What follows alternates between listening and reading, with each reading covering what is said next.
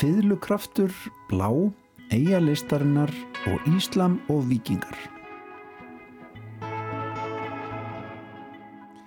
Í Víðsjádagsins verður rætt við þýsku bladakonuna Söru Sjúk en hún hefur skrifað bókum Eyju listarinnar, Isle of Art sem er ferðalag í gegnum íslenska samtíma myndlist með viðtölum við marga þá sem að henni starfa. Bókvikunar er skáltsagan Blá eftir norska rítumundin Mægi Lunde.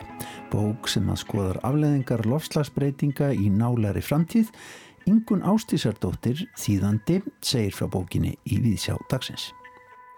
Hlustendur verða svo leittir inn í kraftmikinn heim fiðlunar í myndlistaverki sem var til vitnisum mikla framúrstefnu á sínum tíma og er nú til sínis í listasafni Íslands. Einnig verða skoðaður í þættinum Íslamskir munir sem að rötuðu til norrætna manna á Vikingaöld. Þórir Jónsson Hraundal, lektor í mið-austurlandafræði við Háskóla Íslands, er gestur þáttarins. En við ætlum að byrja á myndlistinni á þessari eigu sem við byggjum.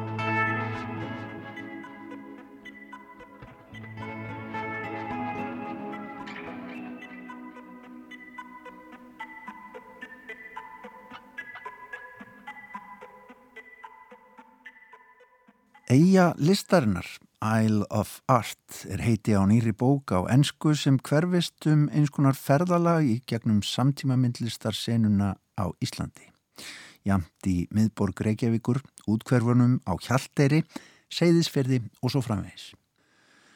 Það er þýska bladakonan Sandra Sjúk sem á heiðurinn að bókinni en ljósmyndarinn Pólín Mikko tekur myndirnar í bókina sem að gefinni mikið vægi. Það verður að segjast að þetta er glæsileg útgáfa um íslenska myndlist, bók í stóru og fallegu broti upp á ríflega 250 síður. Þannig er rætt við heilan haug af myndlistamönnum, listfræðinga, þá sem reyka rými helguð samtíma myndlistinni víða um land og svo framvegis.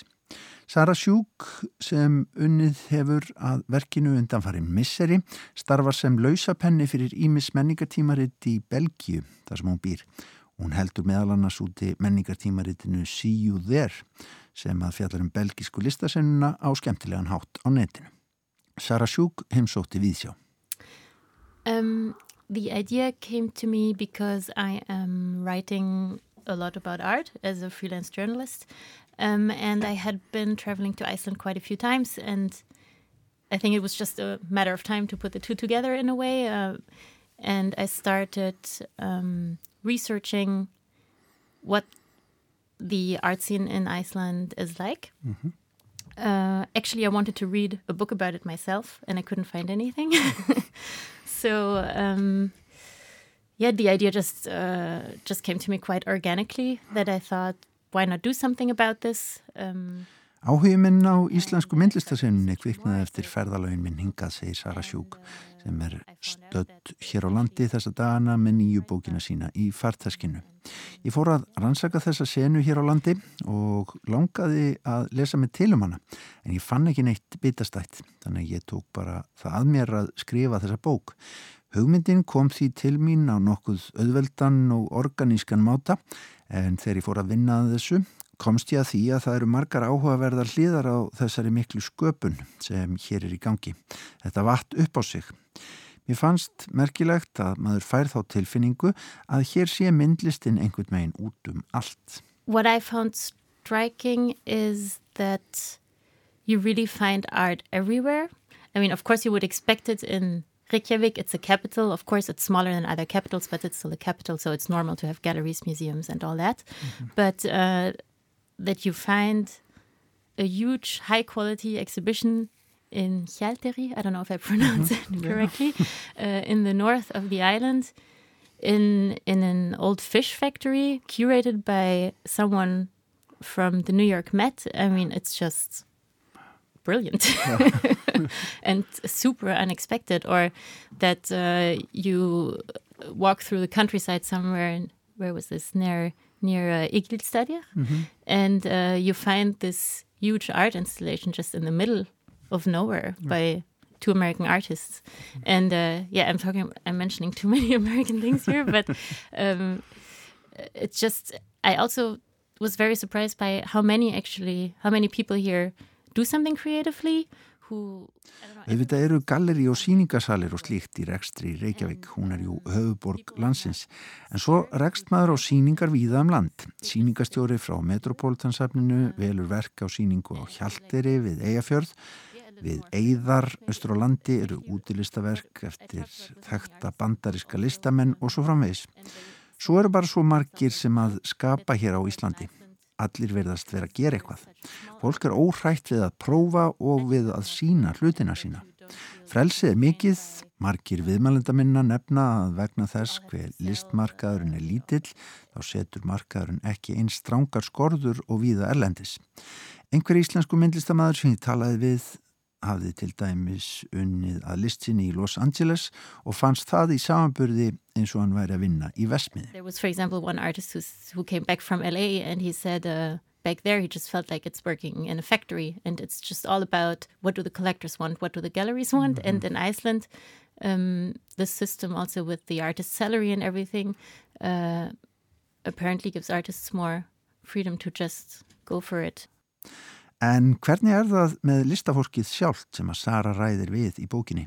Sjá þau líka þessa miklu sköpunar gleði verandi í henni miðri eða eru þessir aðilar í íslensku listasenni stoltir af henni? Já, segir Sara Sjúk. I felt mostly yes. Um, actually the word pride came up a lot when the Marshall House opened. Because I was here at the opening. It was the time where I was researching. I stayed for three months, and um, everyone was super enthusiastic and really, really proud. And the general tenor was, "Now we are one of the big boys, and now we have." I don't know. Now we have this arts complex that could as well be in Stockholm or or Berlin or mm-hmm. um, Sara nefnir að hún hafi verið hér í kringum opnun Marshallhúsins á sínum tíma. Þá kom orðið stolt oft upp í mínum samræðum, segir hún, við þá sem að tengdust myndlistalífinu. Allir voru spendir og stoltir. Fólk var á því að nú væri myndlistalífið í Reykjavík að verða full vaksið einhvern veginn, starfseminn út á Granda væri eitthvað í líkingu við það sem ætti finna í borgum Erlendis, Stokkólmi, Berlín og víðar. Það Vakti líka fyrir mér að koma þessari starfsemi betur á ratar viða um heim og benda á gæðin sem hér týðkast. High quality things that I think people outside of Iceland should know about. En nú þekkir heimsbyðin ágætlega íslenskt landslag ekki síst í gegnum samfélagsmiðla og íslenska tónlist frá heimsfrægu tónlistafólki okkara. En getur samtíma myndlistin verið enn önnur stóð hér að mati Söru Sjúk? Jú, það reynist engin evi vera í hennar huga á því. For me that's a definite yes and again that's why I wanted to do this book because it's all there. Uh, I mean Iceland has everything a vibrant art scene needs in my view. It has the museums, it has the commercial galleries um, which have been growing now. Uh, there's independent art spaces, artist run spaces. There's hundreds, I don't know, thousands of artists. There's the art schools. Um, everything is here, just, just in... Hér er allt til alls, segir Sara, og engin ástæða fyrir öðru en að láta henn breyða heim vita af öllu lífinu í íslenskri myndlist. En þetta breytir ég ekki að myndlistakerfið hér er nokkuð ungt. Vissulega búum við að nokkuð þroskuðu listamannalaunakerfi en verkefnasjóðir standa ekki á gömlu merk. Galleríum sem reygin eru á atvinnugrundvelli hefur fjölgað en saga þeirra hefur verið nokkuð brokkgeng gegnum tíðina. En hvernig er það með viðmælendur söru í bókinni? Eru þeir jákvæðir fyrir framtíð íslenskrar samtíma myndlistar? Um, it depends. Um, some are very proud and very, very positive about that it's getting more professional. Um, that they also they feel like okay no it's like in other countries we have three commercial galleries now and not only i8 and um, then there are others that are also a little bit worried about where this is going if, if the icelandic art scene kind of loses its innocence and this this fearlessness. Mm -hmm. um, basically i think every single person i i talked to mentioned this Um, Þetta er aðeins misjamt og veldur og ymsu, segir Sjara Sjúk. Margir eru stoltir og bjartínir, ekki síst vegna þess að fagmennska hefur verið að aukast, galleríum að fjölga og svo framvegs. Á sama tíma hafa aðrir áökjur af því að grásrótastarsiminn kunni að eiga erfitt uppdráttar.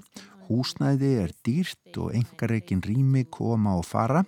Þetta er fólk sem að spyr sig hvort íslenska listasinnan missi þar með sagleysi sitt og jafnvel djörfung. Næri allir viðmælundu mínir nefndu eitthvað þessu tengt en það helgast kannski af því að nýlistasinnan var jú byggð hér upp á engaframtæki listamannina sjálfra. Kerfið byggðist upp í grasrótinni og nú býður fólk eftir næstu kynnslóð. Marki spyrja sig hvað hún muni gera. En hvað verður um þessa bók, þessa heimild, eigu listarinnar? Isle of Art sem að verður að segjast að virkar velhæfnuð og glæsileg.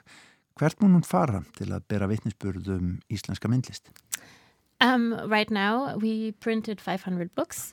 Uh, we are selling it on a website where you can order it from from any country in the world. Mm -hmm. We mm-hmm. already have orders from England or Los Angeles, so that's nice. Okay.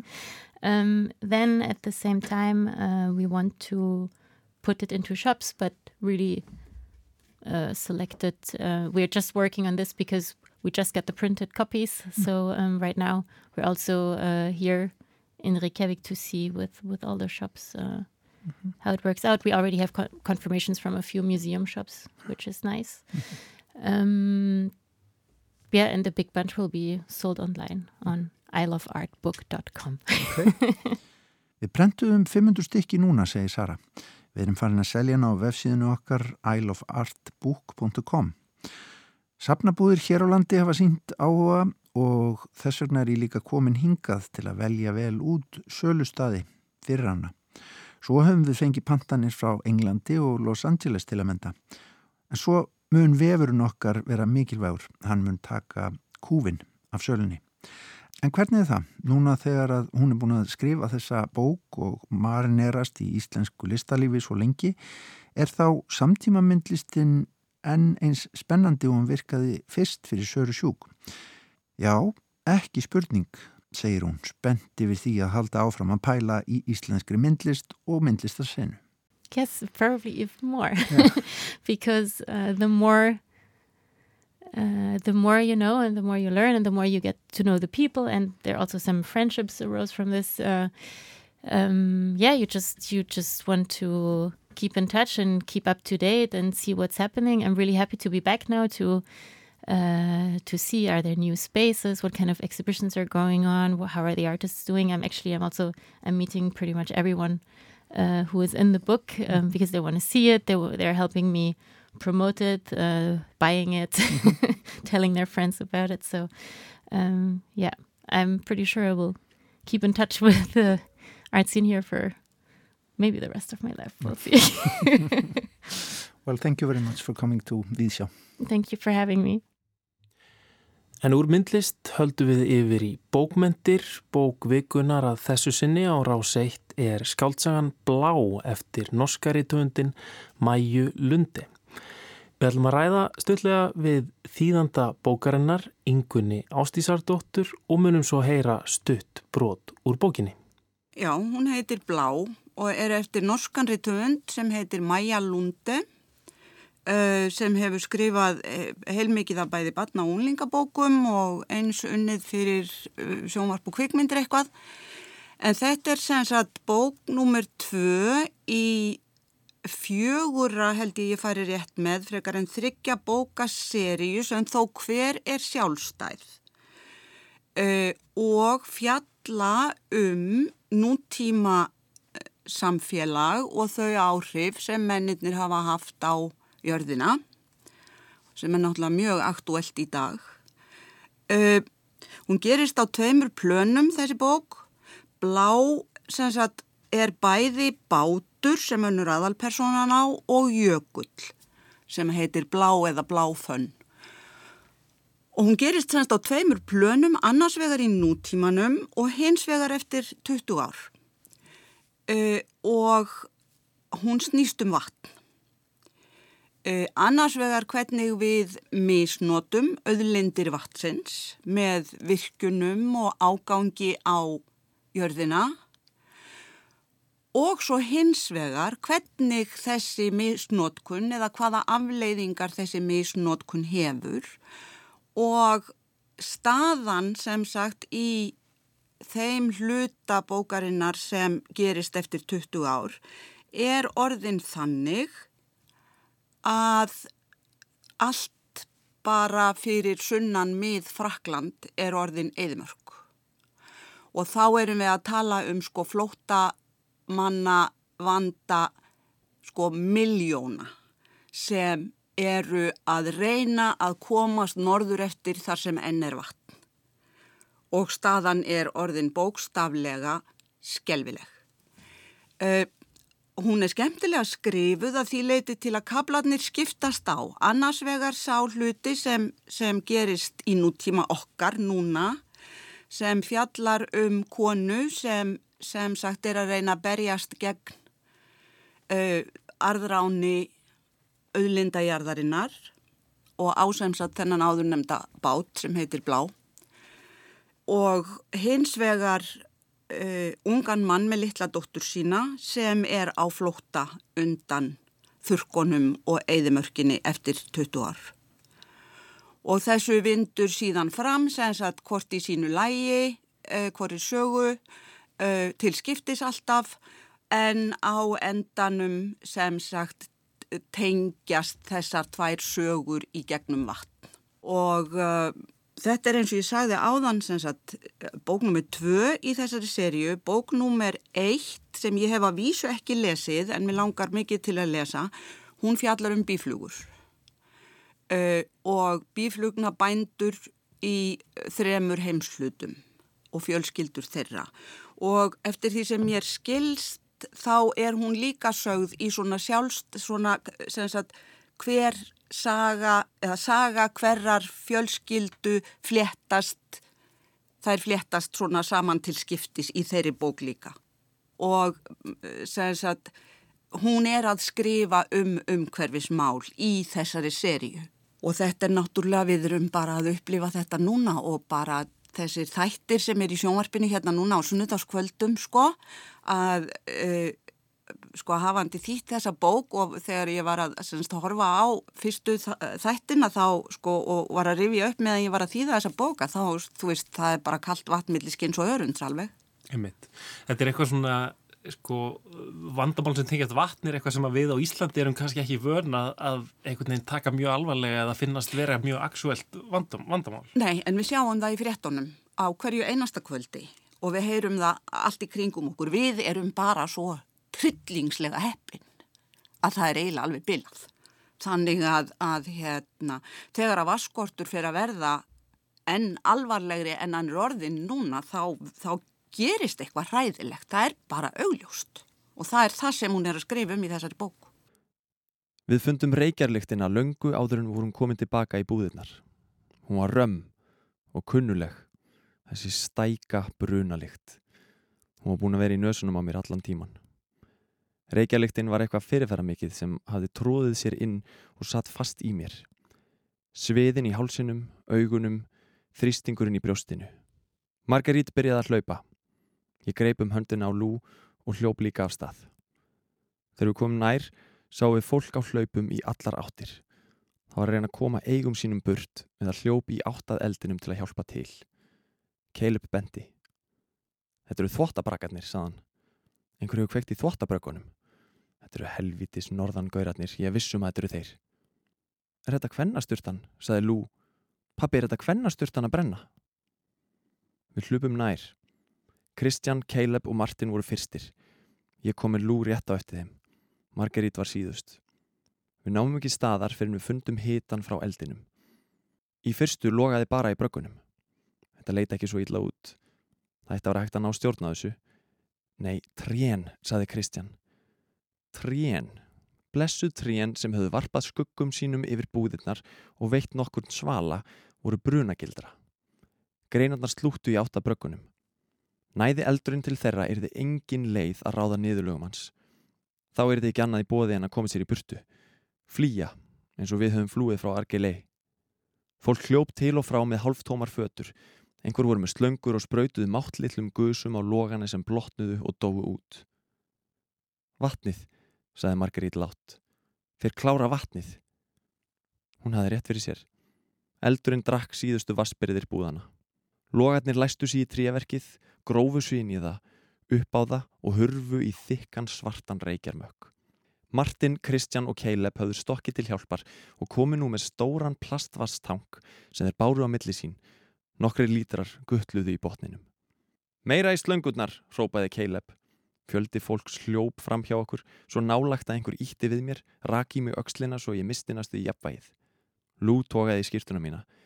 Pappi, við verðum að hjálpa til, við verðum að stoppa þetta, við verðum að slökkva eldin. En svo uppgötu við andaldið. Francis. Hún færði sig aðeins nær. Hann er að slökkva eldin. Eldurinn lísti hann upp. Hann stóð beitn og sterkur með slöngu í höndunum.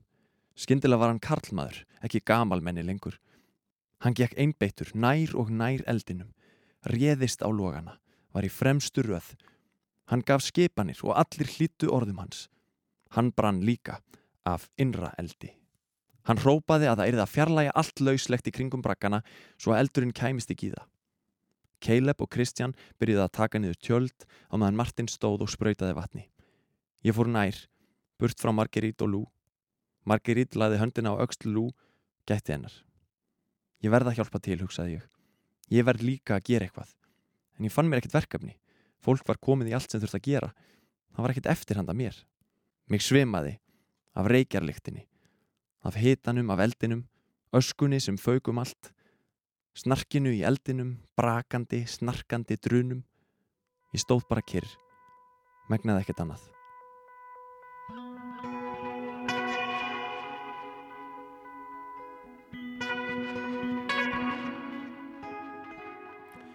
Það var Guðmundur Felixson sem las þarna brotur bókinni Blá eftir Mæju Lundi.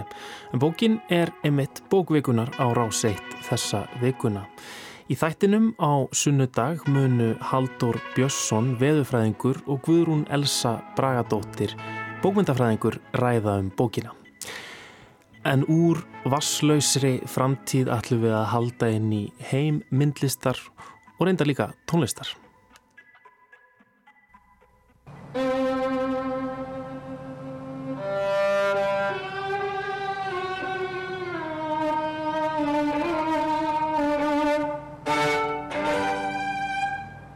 Ung kona byrtist okkur með hljóðfæri undir kinn.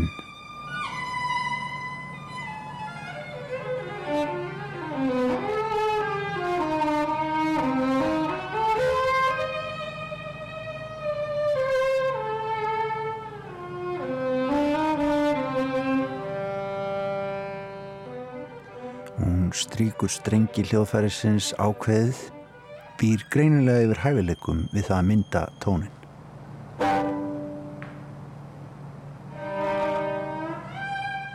Myndin sem við horfum á er svart hvít, gleru konunar eru svört, skirtan hvít. Skyndilega er klift og allt verður vittlust.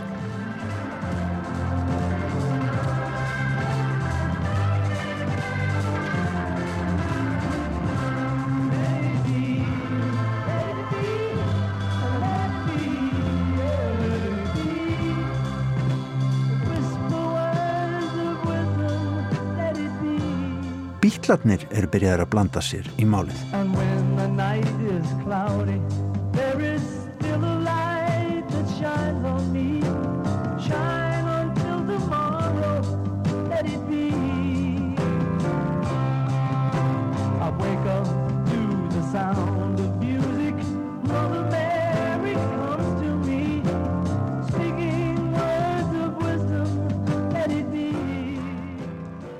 Þýsjað inn á munn konunar nánast farið upp í hana.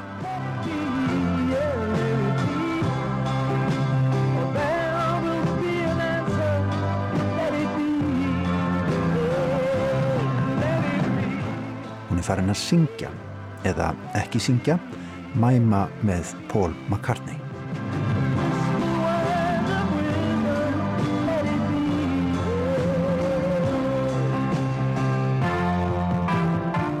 Það eru brak og brestir í upptökunni. Let it be.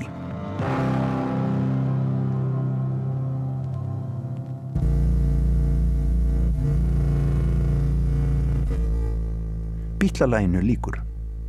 Þá koma verulegar trublanir í vetrabrautina.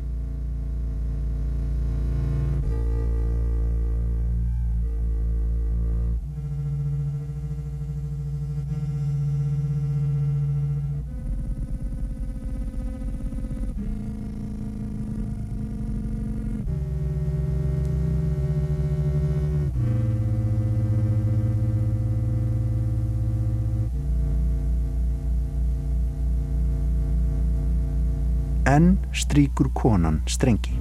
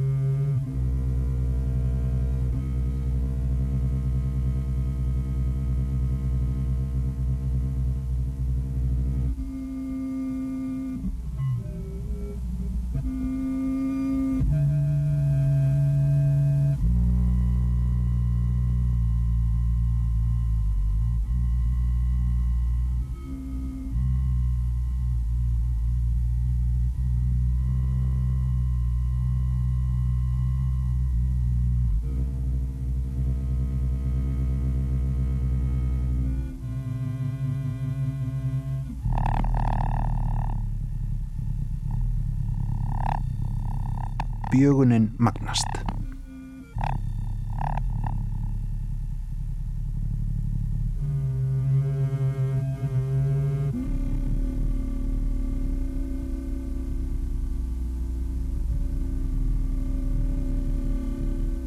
Við horfum framan á konuna.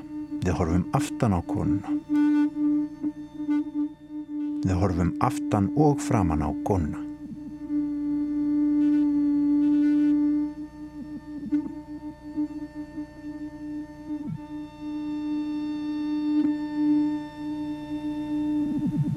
Sveifla strengjana veitist brengla myndina.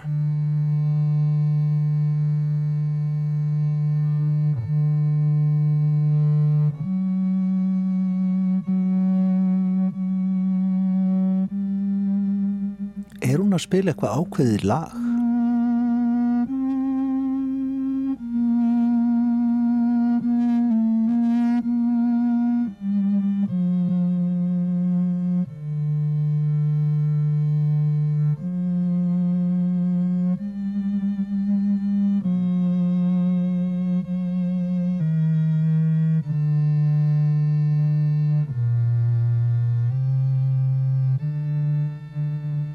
Við erum að fylgjast með, horfa á, hlusta á myndlistaverkið Violin Power, fiðlu kraftin eftir steinu vasúlku. Þetta er fiðla í lokuðu kerfi í einhvers konar lúpu, verk sem steina vann á árunum 1970 til 78 á samt manni sínum úti í vasúlka.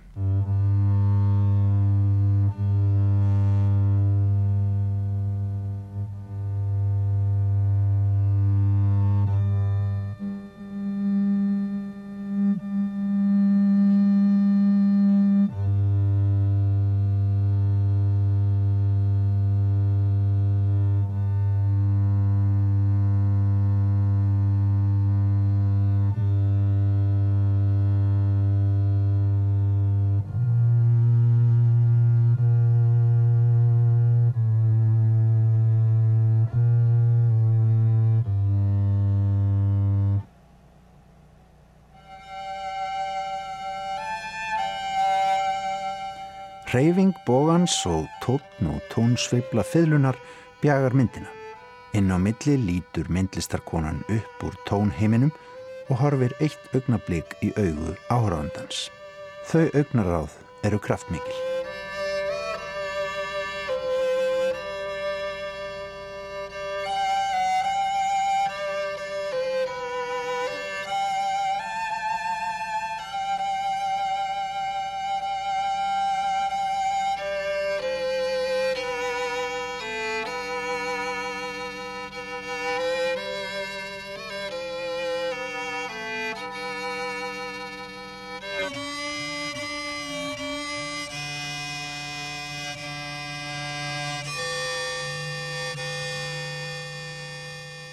Þetta er dáleðandi verk.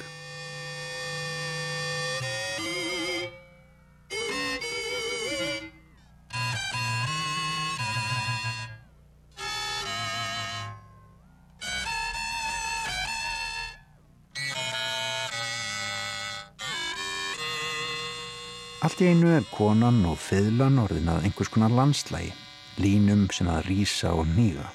Það er kraftur í fiðlunni sem virðist geta hreift fjöll eða jarðskorpu.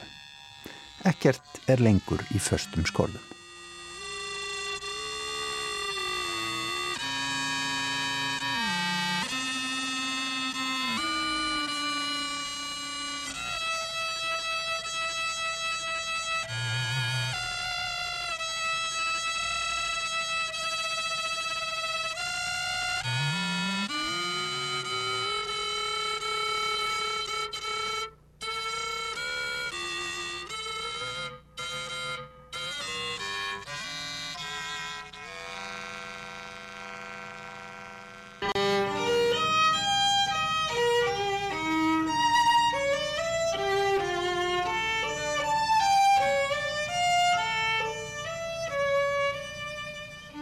Allt ínu hrekkur allt aftur, eða nánast allt aftur, í sama far.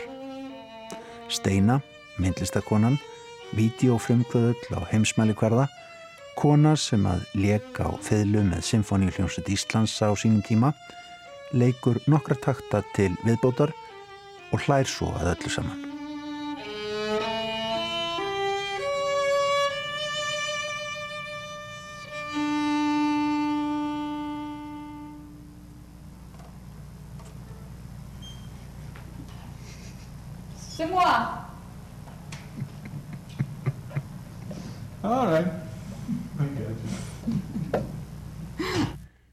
Verkið Violin Power er uppi í Vasúlkastofu í kjallara listasaps Íslands fram til 1. mæ.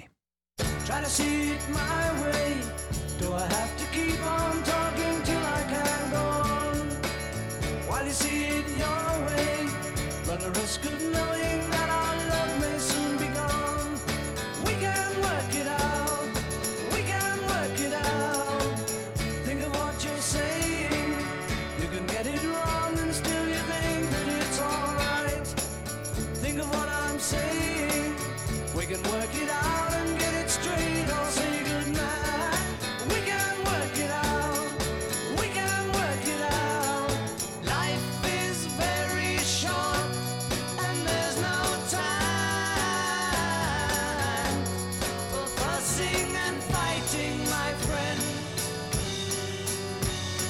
I have always thought that it's a crime.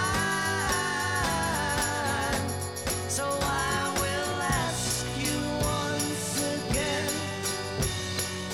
Try to see it my way. Only time will tell if I am right or I am wrong. While you see it your way, there's a chance that we might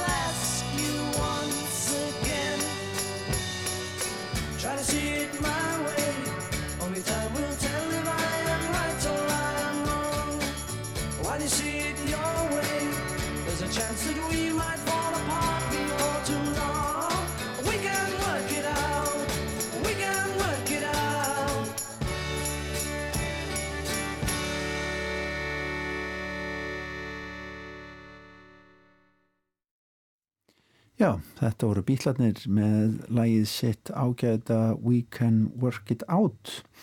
Lag sem að eh, kom fyrst út sem allið á smáskjúni Daytripper árið 1965 í byrjun desemberbánar en er auðvitað eftir þá Lennon og McCartney, þá snillinga. Þetta er lag sem að fjallar um það hvernig við getum jú yfirleitt komist að niðurstöð fólk, jafnvel neyra á Alþingi Íslendinga. Já, þetta fjallar um það. og, og kannski Brexit líka, ég veit ekki Hver veit, en þetta er allavega aðgengilegt og svona hrest eftir, eftir svona ansið tilraunakent an hljóðheim frá henni Steinu. Steinu var svo sko, hún, jú, og hún vann hann með bílana við ákvaðum að lefa bílunum að koma svona ómenguðum og á eftir vinnu, eða vinslu þeirra hjóna Woodies og Steinu á bílunum hér áðan. Einmitt. En við ætlum að halda aftur til vikingaaldar. Hvorki meirinu minna. Nummer 13 må ikke være en fra nord. Nummer 13 må ikke være en fra nord. Við erum stödd í mikilvægu atriði í bandarísku kvikmyndinni 13. strísmaðurinn 13th Warrior frá árinu 1999. Araberen. Vi må sende araber. 30 stycken på Somo, september 3 no skit. She says the 13th man must be no Northman. Ahmad Ibn Fallan, leikinn af Antonio Banderas, er skáld við hyrð Kalifans í Bagdad. En vegna aðeins of náuna kynna við eiginkonu aðalsmanns er honum refsað. Hann sendur úr landi og gerður að sendiherra lengst út í norðri. The hell are you saying? The 13th warrior is you. Hann vingast við vikinga og í atriðinu sem við heyrðum hér á undan var hann valinn af spákonu þeirra völfunni til að fylgja þeim vera 13. stríðsmaðurinn í háskalegum leðungri. Myndin fær líklega sent margar stjörnur fyrir nákvæma sagfræði eða fyrir góða kvikmyndagerði út í það er farið en aðalpersonan er þó byggð á raunverulegum manni, íröskum muslima sem skrifaði ítarlega um vikinga eða væringja sem hann rakst á í embætisferðum sínum. Og það er í raun merkilegt hversu samskipti norrætna manna og muslima voru mikil á vikingaöld. Í, í huga flestra þá er tengist vikingaöldin meira vestur-Evrópu, uh, hérna, strandhöggi þeirra á, á, á Breitlandsegjum og, og í Fraklandi og jafnvel á Spáni og víðar. En uh, það er svona minna þekkt stærð en, en alls ekki minna spennandi ferðir þeirra í, í austur, austrabóin og þá allarleið til miðausturlanda í rauninni. Þórir Jónsson, hrundallektor í miðausturlanda fræði við Háskóla Íslands hefur rannsakað þessi tengsl og í síðustu viku hjælt hann erindi á málþingi um asíska list í fortíð og nútíð þar sem hann beindi sjónum sínum að arabó-íslenskum hlutum í sjónrætni menningu vikingaaldar. Fylgifiskur þessara ferða sem stóði yfir í já, tvær aldir er auðvitað að þeir koma tilbaka með fjöldanallar af, af munum frá því svæði. Lang mest af þessu eru peningar, arabískir silfur peningar, svo kallar dirham, sem að flættu í, í miljónatali norður á bóin og, og til Skandinavíu. En, en líka hafa fundist glerperlur og, og alls konar munir, uh, drikjarmál og, og hitt og þetta og, og mjög margt að þessu hefur fundist á Góðlandi og í, í, á vesturströnd Svíþjóðar. Eru þetta hlutir sem við höfum vita á lengi? Er þetta ný, nýjar uppgötun? Er að, að, að það sé svona mikið af arabískum munum hérna á, á, á Norðurlandunum? Þetta eru raunir hlutir sem við höfum vitað um talsett lengi. Margt að þessu er að finnast á, á 19. öld jafnvel og svo sérstaklega núna á, á 20. öld. Þannig að þetta hefur verið mjög þekkt stærð í rauninni mjög lengi en einhver hluta vegna hefur þessi austur kabli vikingaldra aldrei fengið ja, mikla kannski aðtegli og, og vestur-európski hlutin mm -hmm. og að hluta til er það svona hálf politíst mál þar að segja það sem að þetta landsvæði sem vikingar fara á, inn á í uh, á miðöldum er setna meir síðan þar sem Sovjetríkin eru og í dag er Úsland og, og þetta verður svolítið uh, líður svolítið fyrir í rauninni svona hvað maður segja uh, mismöndi pólitískar áherslur og, og það er allt öðruvísi í rauninni farið með þessa sögu í Sovjetríkjónum og svo Rúslandi heldur enn í Evrópu. Já, í, í vestur Evrópu er, er vikingarunni meira svona hluti af arfleifð uh, miðalda og eðleri hluti í, í Rúslandi og Sovjetríkjónum sérstaklega var þetta alltaf meiri svona spenna í kringum þennan málaflokk og hérna, já það ræðst svona svolítið af því, það hefur Mhm. síðan haft áhrif á hversu mikið er fjallað um þetta og um, já.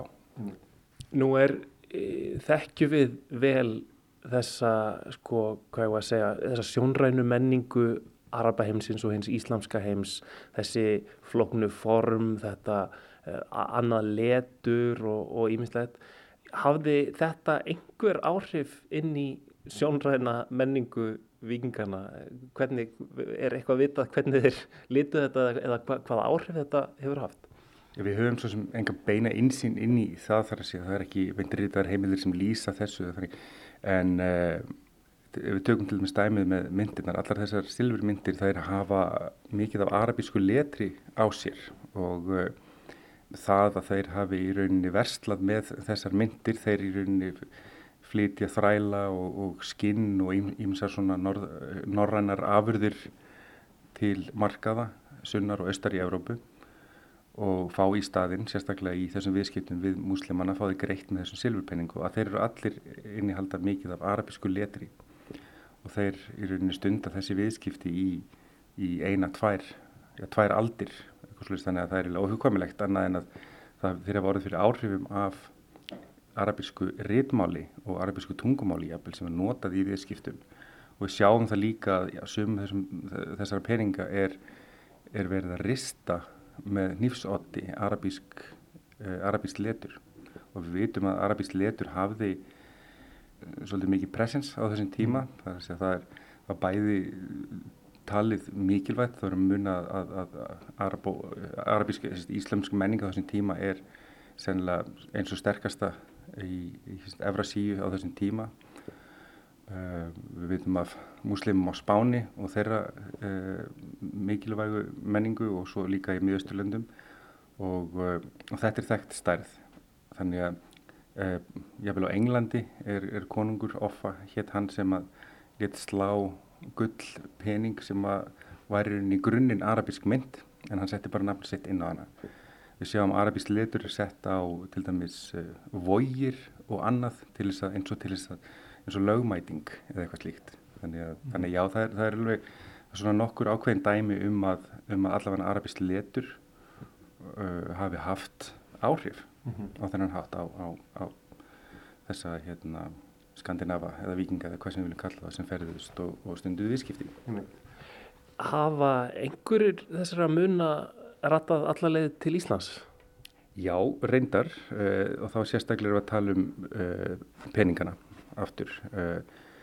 Það er reyndar alveg ótrúlega magn, mikið magn sem hefur fundist af silfurpeningu. Það hefur fundist um það halv miljón einstakra silfurpeninga í, í Norður Úslandi og, og Skandinavi, aðeila Svíþjóð.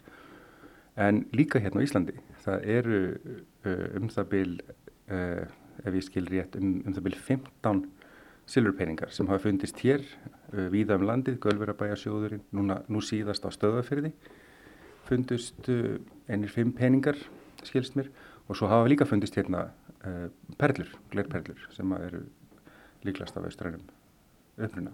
Þannig að já, jafnvel Ísland, Ísland er með í þessu, í þessu stóra vestlunarmengi miðalda. Mm -hmm. um, er einhver önnur áhrif sem að þú sérð fara þarna á milli um, meira heldur en bara viðskipta, viðskiptalags eðlis?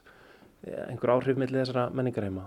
Já, þetta er er kannski svona áþreifanlegasta vísbendingin sem við höfum. En svo höfum við líka í rauninni vittnisspörð úr rítuðum heimildum uh, frá þessum tíma aðalega arabiskum heimildum sem segja frá ferðum þeirra frá nýjundu öld og sérstaklega tíundu öld.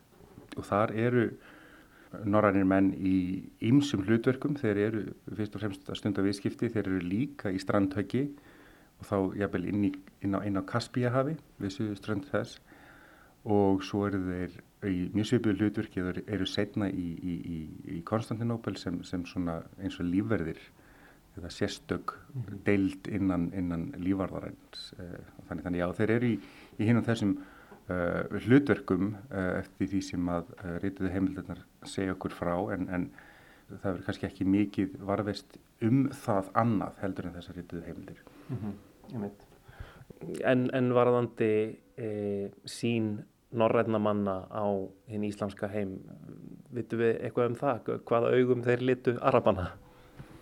Já, því miður er allt og lítið í rauninni um þetta í til dæmis í fornnorrænum heimildum. Eh, Það eru þetta einhvers konar eh, me- meðvitund um, um Íslam og, og hérna og múslima eh, sem er kannski meira svona almennari mynd og þetta hefur Sverri Jakobsson skrifað til dæmis um en varðandi nákvæmlega þessi tengsl í austur er ákvæmlega lítið uh, vitað uh, og hérna og er, sagt, hefur ákvæmlega lítið varvist í norrænum heimildum. Þannig að við erum aðalega treysta á þessi segja arabísku heimildar og svo nokkrar grískar, latniskar, slavneskar heimildir um, um þetta nákvæmlega, nákvæmlega tímambil. En jú, það eru auðvitað einhvers konar hugmynd um Íslam og, og múslima sem samt svona, já, sem hluta af heimsmyndinni. Hvaða svæði er það sem að þessi munir, þessi peningar og, og, og þessar glerperlur, hvaða, hvaða lönd í dag eru þetta? Já, þetta er svæði sem að eh, var, já, í rauninni fór undir Sovjetríkinu á sínum tíma. Þetta er aðalega þá svona, það sem að kallast svona þessar su, su, suður rúsnesku steppur, það er sér svæðið svona svolítið norðaustur af Svartahafi og vestan við Kaspíahaf og svo það sem er miða Asía í dag og Stanlöndin Mhm. uh, og það er svona aðalega frá þessu svæði en, en þessar myndir enn og aftur þessi, þessi arabísku silfurpeningar þeir eru uh, slegnir vísvegar um, um hið, hið Íslamska ríki og við getum séð að sko sagt, uh, umfang þessar verslunar hefur verið orðið talsveit mikið vegna þess að það er nokkuð augljóst að, að, að múslimar voru fætnir að slá mynd sérstaklega til að mæta þessari verslun. Þannig að og svo mynd er slegin gjarnan í, í miða Asíu Mhm. og þannig og það, það eru það peningar sem að hafa ekkert sirkulerað inn í, inn í kalifatinu, inn í ríki muslima heldur bara farið beint norður á móti vörunum sem að, sem að kom þannig að, þannig að umfangið er, er, er gríðar mikið. En já, þetta er svona svæðið í kringum Kaspíahaf, má segja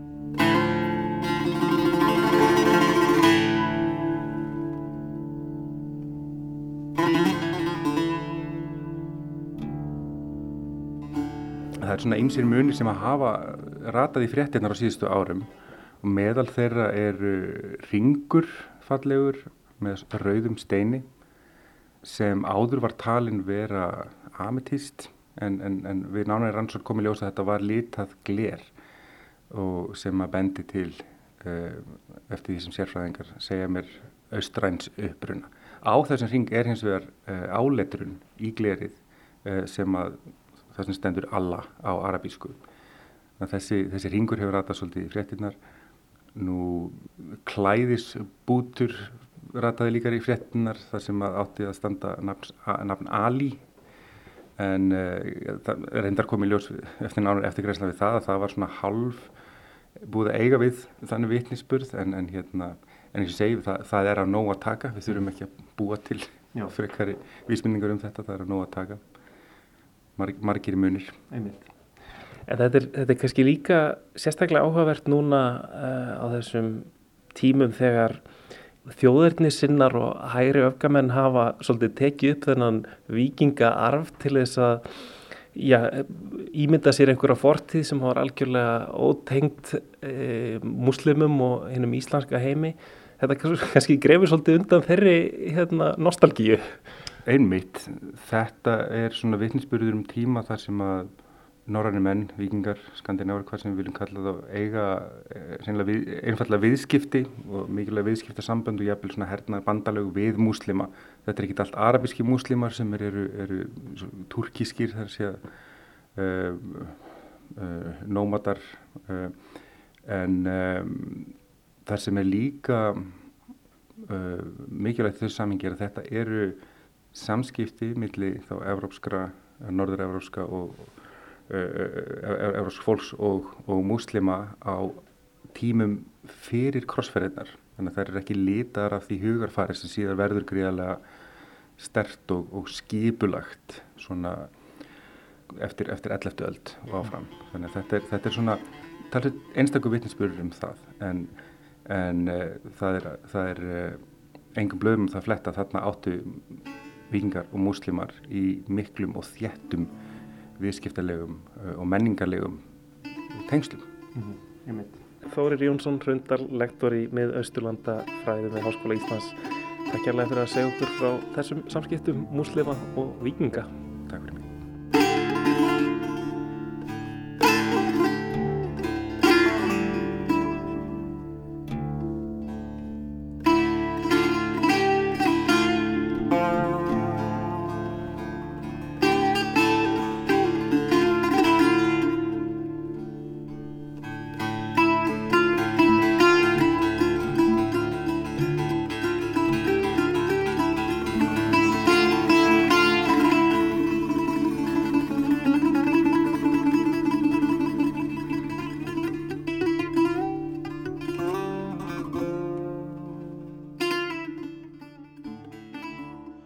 Þarna einhverstaðar djúftin í hinnum íslamska heimi allir við að ljúka að viðsjá í dag. Já, við verðum hér aftur á morgun eins og venlega klukkan 16.05 ætlum að ræða þá meðal annars barnamenningar pólitík en það full ástæða til. Barnamenningar hátíð var sett við hátíðlega aðtöfn í hörpu fyrir í dag, fyrir hátegi hún kemur til okkur á morgun hún Kolbrún Haldurstóttir sem er formaður barnamenningarsjóðs en það er hluti af menningapólitík gríkisins að dæla dállu svona afli inn í barnamenninguna þessi misserinn. Við heyrum á því á morgun.